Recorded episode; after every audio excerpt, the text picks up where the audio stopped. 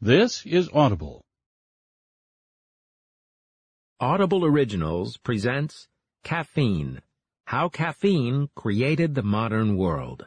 Written and performed by Michael Pollan. A wakefulness wrested from nature. How caffeine created the modern world. A botanical success story. Maybe the very first sentence isn't the best place to admit this at the very moment you are deciding whether to lend me an hour or two of your attention, but halfway through the research for this story, I suffered a crisis of confidence that caused me to doubt the subject was of any interest at all, even to me, whose supposedly bright idea it was.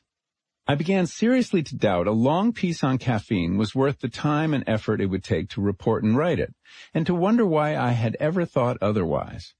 I was in trouble. We were in trouble. Though you have an option I do not. You at least can stop right here.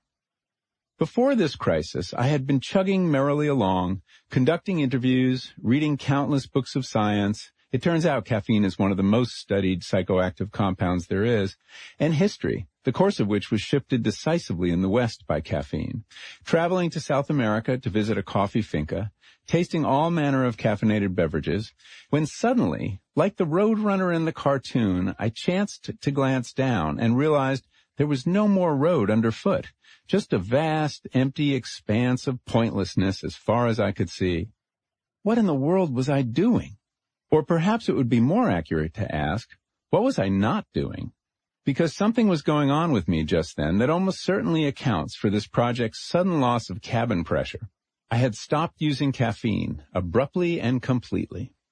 After years of a tall morning coffee, followed by several glasses of green tea through the day and the occasional cappuccino after lunch, I had quit caffeine cold turkey. It was not something I particularly wanted to do, but I had come to the reluctant conclusion that the story demanded it. Several of the experts I was interviewing had suggested I really couldn't understand the role of caffeine in my life its invisible yet pervasive power without getting off it, and then, presumably, getting back on. Roland Griffiths, one of the world's leading researchers on mood-altering drugs, and the man most responsible for getting the diagnosis of caffeine withdrawal included in the DSM-5, the Bible of psychiatric diagnoses, told me he hadn't begun to understand his own relationship to caffeine until he stopped using it and conducted a series of self-experiments. He urged me to do the same. The idea here is that you can't possibly describe the vehicle you're driving without first stopping, getting out, and taking a good look at it from outside. This is probably the case with all psychoactive drugs, but is especially true of caffeine, since the particular quality of consciousness it sponsors in the regular user feels not so much altered or distorted as normal and transparent. Indeed, for most of us, to be caffeinated to one degree or another has simply become baseline human consciousness. Something like 90% of humans ingest caffeine regularly, making it the most widely used psychoactive drug in the world, and the only one we routinely give to children, commonly in the form of soda.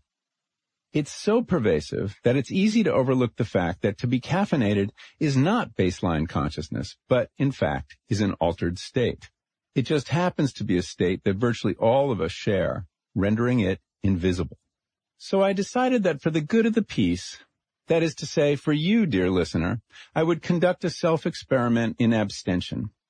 What had never occurred to me when I began this experiment is that by giving up caffeine, I would be undermining my ability to tell the story of caffeine, a knot I wasn't at all sure how to untie. Maybe I should have anticipated the problem the scientists have spelled out, and I had duly noted, the predictable symptoms of caffeine withdrawal. Headache, fatigue, lethargy, difficulty concentrating, decreased motivation, irritability, intense distress, loss of confidence, and dysphoria, that is, the polar opposite of euphoria. I had them all to one degree or another, but beneath the deceptively mild rubric of difficulty concentrating hides nothing short of an existential threat to the work of the writer. How can you possibly expect to write anything when you can't concentrate? That's pretty much all writers do. Take the blooming multiplicity of the world and our experience of it, literally concentrate it down to manageable proportions, and then force it through the eye of a grammatical needle, one word at a time. It's a miracle anyone ever manages this mental feat, or at least it seems that way on day three of caffeine withdrawal. But even before the writer can hope to confront and scale that sheer cliff of impossibility, he or she needs to muster the confidence, the sense of agency and power required to proceed. It hardly matters if it's a delusion, but that sense that you have by the tail a story the world needs to hear, and you alone have what it takes to tell it, is precisely what you need to tell it. Forgive the masculine metaphor, but much depends on this mental tumescence. What I discovered is that it, in turn, depends in no small part on 1,3,7-trimethylxanthine, the tiny organic molecule known to most of us as caffeine. The first day of my withdrawal, which began on April 10th, was by far the most trying, so much so that the prospect of writing, or even just reading, was immediately rendered futile. I had postponed the dark day as long as I could, concocting the kind of excuses every addict does. Stressful week coming up, I would inform myself. Probably not the best time to go cold turkey. Of course, there was never a good time to do it. Always some reason I needed to be sharp and couldn't afford the flu-like symptoms the researchers said might be in my future. I want to do right, as country singer Gillian Welch crooned, but not right now. That was me, day after day. Procrastination at the beginning of any writing project is not unusual for me, but this went on for weeks. Eventually, however, I found myself cornered by the fact that there was no more reporting to be done, and all that stood between me and sitting down to write was quitting coffee.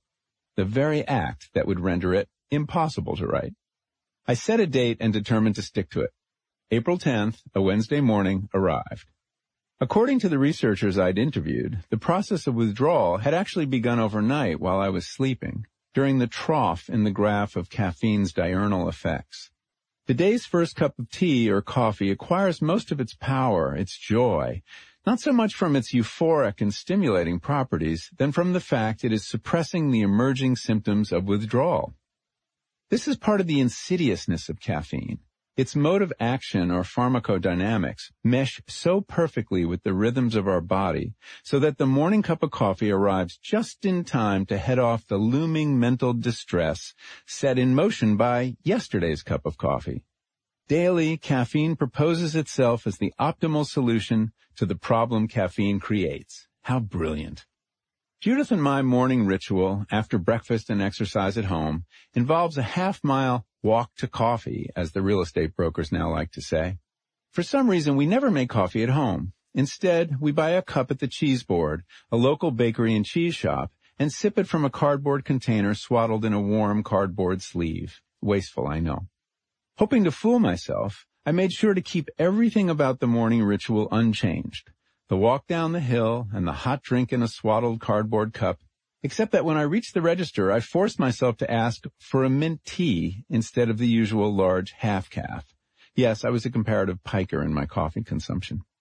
After years of the usual, this raised the barista's eyebrows. I'm on the wagon, I explained, apologetically. On this morning, that lovely dispersal of the mental fog that the first hit of caffeine ushers into consciousness never arrived. The fog settled over me and would not budge. It's not that I felt terrible. I never got a serious headache, but all day long I felt a certain muzziness, as if a veil had descended in the space between me and reality, a kind of filter that absorbs certain wavelengths of light and sound. I wrote in my notebook, consciousness feels less transparent than usual, as if the air is slightly thicker and seems to be slowing everything down, including perception. I was able to do some work, but distractedly, I feel like an unsharpened pencil, I wrote. Things on the periphery intrude and won't be ignored. I can't focus for more than a minute. Is this what it's like to have ADD? By noon, I was mourning the passing of caffeine from my life for an unspecified period of time.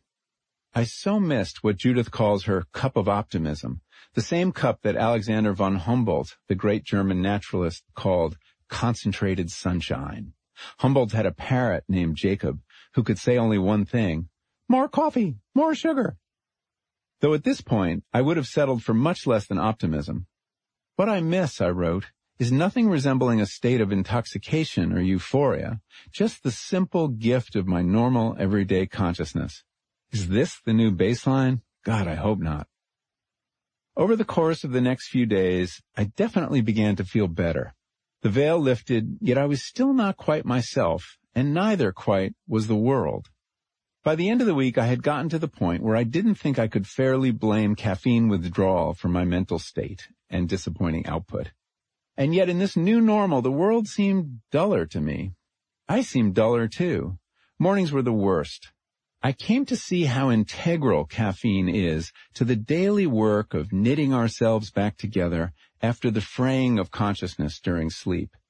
That reconsolidation of self, the daily sharpening of the mental pencil, took much longer than usual and never felt quite complete. I began to think of caffeine as an essential ingredient for the construction of the ego. Mine was now deficient in that nutrient, which perhaps explains why the whole idea of writing this piece, indeed of ever writing anything ever again, had come to seem insurmountable. I've been talking here about a chemical, caffeine, but of course we're really talking about a plant, or in this case two plants, Coffea and Camellia sinensis, aka tea that over the course of their evolution figured out how to produce a chemical that happens to addict most of the human species. This is an astounding accomplishment, and while that was not the plant's intent in concocting this molecule, there is no intent in evolution, just lots of blind chance that occasionally yields an adaptation so good that it is extravagantly rewarded. Once that molecule found its way into the human brain, the destiny of those plant species and this animal species changed in momentous ways.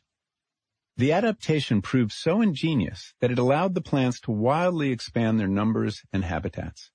In the case of coffea, whose range had previously been limited to a few corners of East Africa and southern Arabia, its appeal to our species allowed it to circumnavigate the planet, colonizing a broad band of territory, mainly in the tropical highlands, that reached from Africa to East Asia, Hawaii, Central and South America, and now covers more than 27 million acres. The path of Camellia sinensis has taken the plant from its origins in southwest China, near present-day Myanmar and Tibet, as far west as India and east to Japan, colonizing more than 10 million acres. These are two of the world's most successful plants, right up there with the edible grasses, rice, wheat, and corn. Yet compared to those species, which won our support by so admirably supplying our need for calories, tea and coffee's ticket to world domination involves something much more subtle and superfluous. Their ability to change our consciousness in desirable and useful ways. And unlike the edible grasses, the fat seeds of which we consume with virtually every meal, all we want from the tea and coffee plants are the molecules of caffeine and some characteristic flavors we extract from their leaves and seeds, respectively. So all we do with them is trivially lighten the weight of their vast biomass before simply dumping it all in landfills. Tons of these most valuable of all agricultural commodities are shipped from the tropics to the higher latitudes, there to be briefly soaked in hot water and then thoughtlessly discarded. Isn't there something ecologically absurd about this? Coffee and tea had their own reasons for producing the caffeine molecule, and as is often the case for the so-called secondary metabolites produced by plants, this is for defense against predators. At high doses, caffeine is lethal to insects. Its bitter flavor may also discourage them from chewing on the plants. Caffeine also appears to have herbicidal properties and may inhibit the germination of competing plants that attempt to grow in the zone where seedlings have taken root or later drop their leaves. Many of the psychoactive molecules plants produce are toxic, but as Paracelsus famously said, the dose makes the poison. What kills at one dose may do something more subtle and interesting at another. The interesting question is why so many of the defense chemicals produced by plants are psychoactive in animals at less than lethal doses. One theory holds that the plant doesn't necessarily want to kill its predator, only disarm it. As the long history of the plant defense chemical versus insect arms race demonstrates, killing your predator outright isn't necessarily the best move, since it will quickly select for pesticide-resistant members of that species, eventually rendering the toxin harmless. Whereas if you succeed in merely discombobulating your enemy, distracting him from his dinner, say, or ruining his appetite, as many psychoactive compounds will do, you might be better off, since you will save yourself while preserving the power of your defense toxin. Caffeine does in fact shrink the appetite and discombobulate insect brains. In a famous experiment conducted by NASA in the 1990s, researchers fed a variety of psychoactive substances to spiders to see how they would affect their web-making skills. The caffeinated spider spun a strangely cubist and utterly ineffective web, with oblique angles, openings big enough to let small birds through, and completely lacking in symmetry or a center. The web was far more fanciful than the one spun by spiders given cannabis or LSD. Intoxicated insects are also, like intoxicated humans, more likely to do reckless things, thereby attracting the attention of birds and other predators who will happily do the plant's bidding by snatching and destroying the helplessly dancing or stumbling bug. Most of the various plant chemicals or alkaloids that people have used to alter the textures of consciousness are chemicals originally selected for defense. Yet even in the insect world, the dose makes the poison, and if the dose is low enough, a chemical made for defense can serve a very different purpose, to attract and secure the enduring loyalty of pollinators. This appears to be what's going on between bees and certain caffeine-producing plants in a symbiotic relationship that may have something important to tell us about our own relationship to caffeine. The story begins in the 1990s when German researchers made the surprising discovery that several classes of plants, including not only coffee and tea, but also the citrus family, produce caffeine in their nectar, a substance that evolved to attract rather than repel insects. Was this an accident, a leaking of caffeine from other parts of the plant? Or could it be a slightly diabolical adaptation? When Geraldine Wright stumbled on the German paper, she was a young lecturer, a botanist turned entomologist at Newcastle University in England. We had no idea why caffeine was in the nectar, Wright told me. So in 2013, Wright, who now teaches in the zoology department at Oxford, conducted a simple, inexpensive experiment to find out. She trapped a bunch of honeybees and immobilized them in little bee straitjackets, arranging them in a grid of bee-sized roofless apartments with only their heads poking out on top. Using a medicine dropper, Wright fed her bees various mixtures of sugar water with and without different concentrations of caffeine. Each time she offered a bee a drop of pseudo-nectar, she gave them a little puff of a scent. The idea was to see how quickly they learned to associate that scent with a desirable food source. Really simple, low-tech, no funding, she said, describing the rudimentary setup. Okay, but how do you determine a bee's food preferences? That's simple too, Wright said. They extend their mouth parts and proboscis if they want something. Wright discovered that her bees were more likely to remember the odor associated with the caffeinated nectar over the odor associated with sucrose only. Her results appeared in an article published in Science in 2013 called Caffeine in Floral Nectar Enhances a Pollinator's Memory of Reward. Even at concentrations too small for the bees to taste, the presence of caffeine helped them to quickly learn and recall a particular scent and to favor it. You can see why this would be valuable to a flower. It would cause the pollinator to remember that flower and return to it more avidly. Or as the entomologist put it in the paper, Caffeinated nectar increases pollinator fidelity, otherwise known as floral constancy.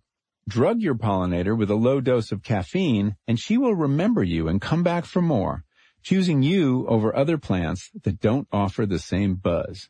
Actually, we don't know whether the bees feel anything when they ingest caffeine, only that the chemical helps them to remember, which, as we will see, caffeine appears to do for us too.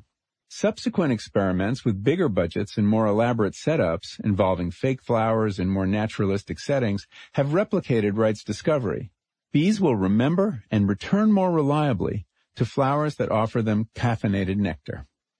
What's more, the power of this effect is so great that bees will continue to return to those flowers even when there is no nectar left. An experiment conducted by Margaret J. Couvillon and published in Current Biology in 2015 raised the cui bono question. Who benefits more from this coevolutionary arrangement between pollinators and caffeine-producing plants? it would appear to be the plant. Couvillon demonstrated that the memory and enthusiasm of the bees for caffeinated flowers was such that it increased, quote, foraging frequency, waggle dance probability and frequency, and persistency and specificity to the forage location, resulting in a quadrupling of colony level recruitment. That is, she estimated that four times as many bees would pay visits to the caffeinated flowers than to flowers offering nectar only. Yet the bee's exuberance exceeds any conceivable benefit to them, making it irrational. Quote, Caffeine causes bees to overestimate forage quality, tempting the colony into suboptimal foraging strategies, likely to, quote, reduce honey storage, since they kept returning to the caffeinating flowers long after they'd been depleted of nectar. She concluded that this makes, quote, the relationship between pollinator and plant less mutualistic and more exploitative. The plant's offer of caffeine to the bees is, quote, akin to drugging, where the pollinator's perception of the forage quality is altered, which in turn changes its individual behaviors. It's an eerily familiar story. A credulous animal duped by a plant's clever neurochemistry into acting against its interests. An uncomfortable question arises. Could we humans be in the same boat as those hapless bees? Have we too been duped by caffeinated plants, not only to do their bidding, but to act against our interest in the process? Who's getting the best of our relationship with the caffeine producing plants? There are a few different ways to attack this question, but a good one is to attempt to answer a second related question. Has the discovery of caffeine by humans been a boon or a bane to our civilization? And what about to our species, which might not be quite the same thing? In the case of caffeine, we can look to recorded history for answers, since humanity's acquaintance with caffeine is surprisingly recent. Hard as it is to imagine, Western civilization was innocent of coffee or tea until the 1600s.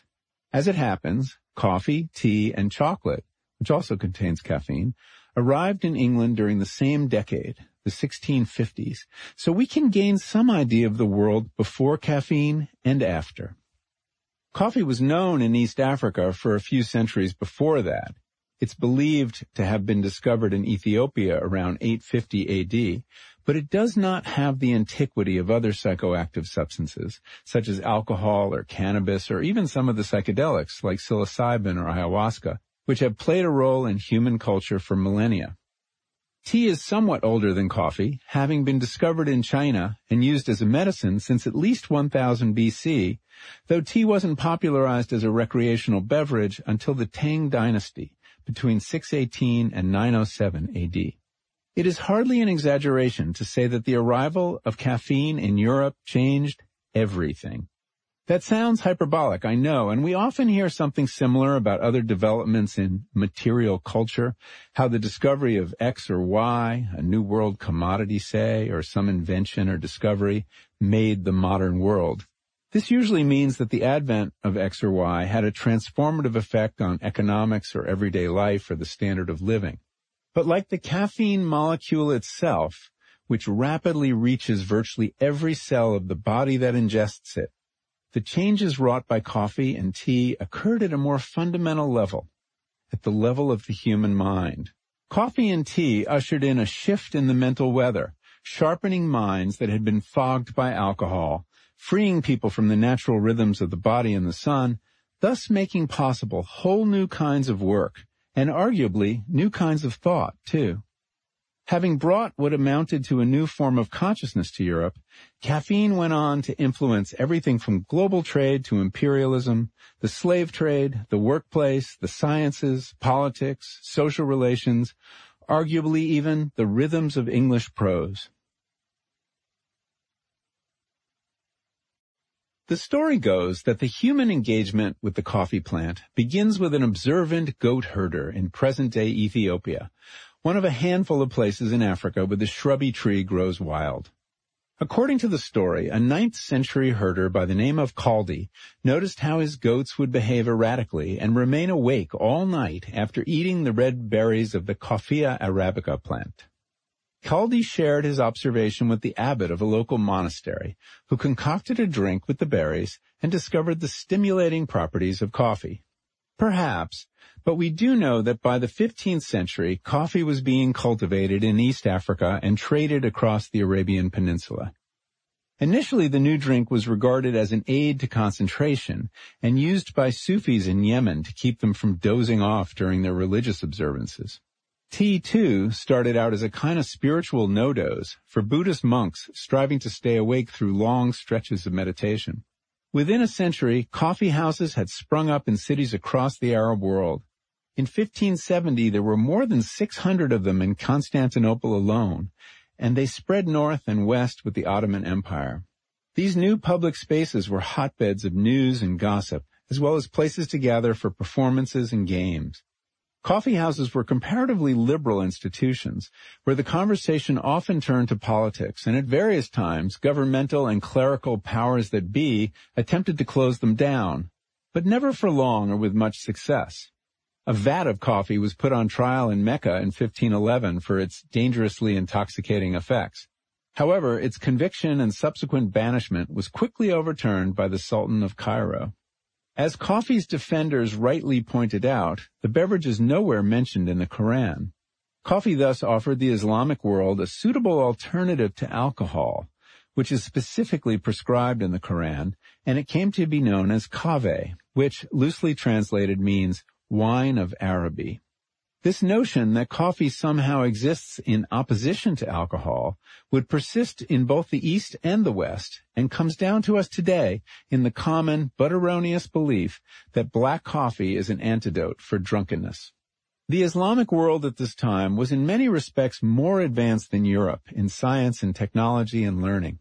Whether this mental flourishing had anything to do with the prevalence of coffee and prohibition of alcohol is difficult to prove, but as the German historian Wolfgang Schivelbusch has argued, the beverage, quote, seemed to be tailor-made for a culture that forbade alcohol consumption and gave birth to modern mathematics.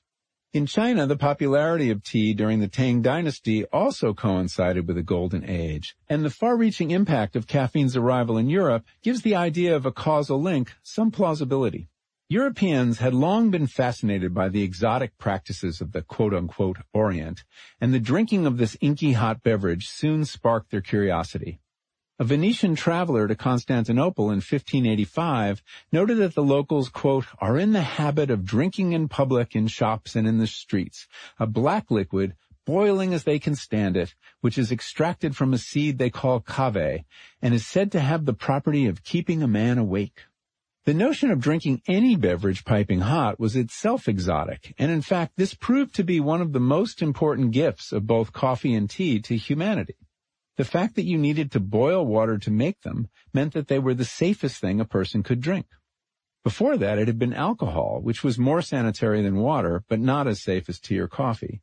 The tannins in all these beverages also have antimicrobial properties.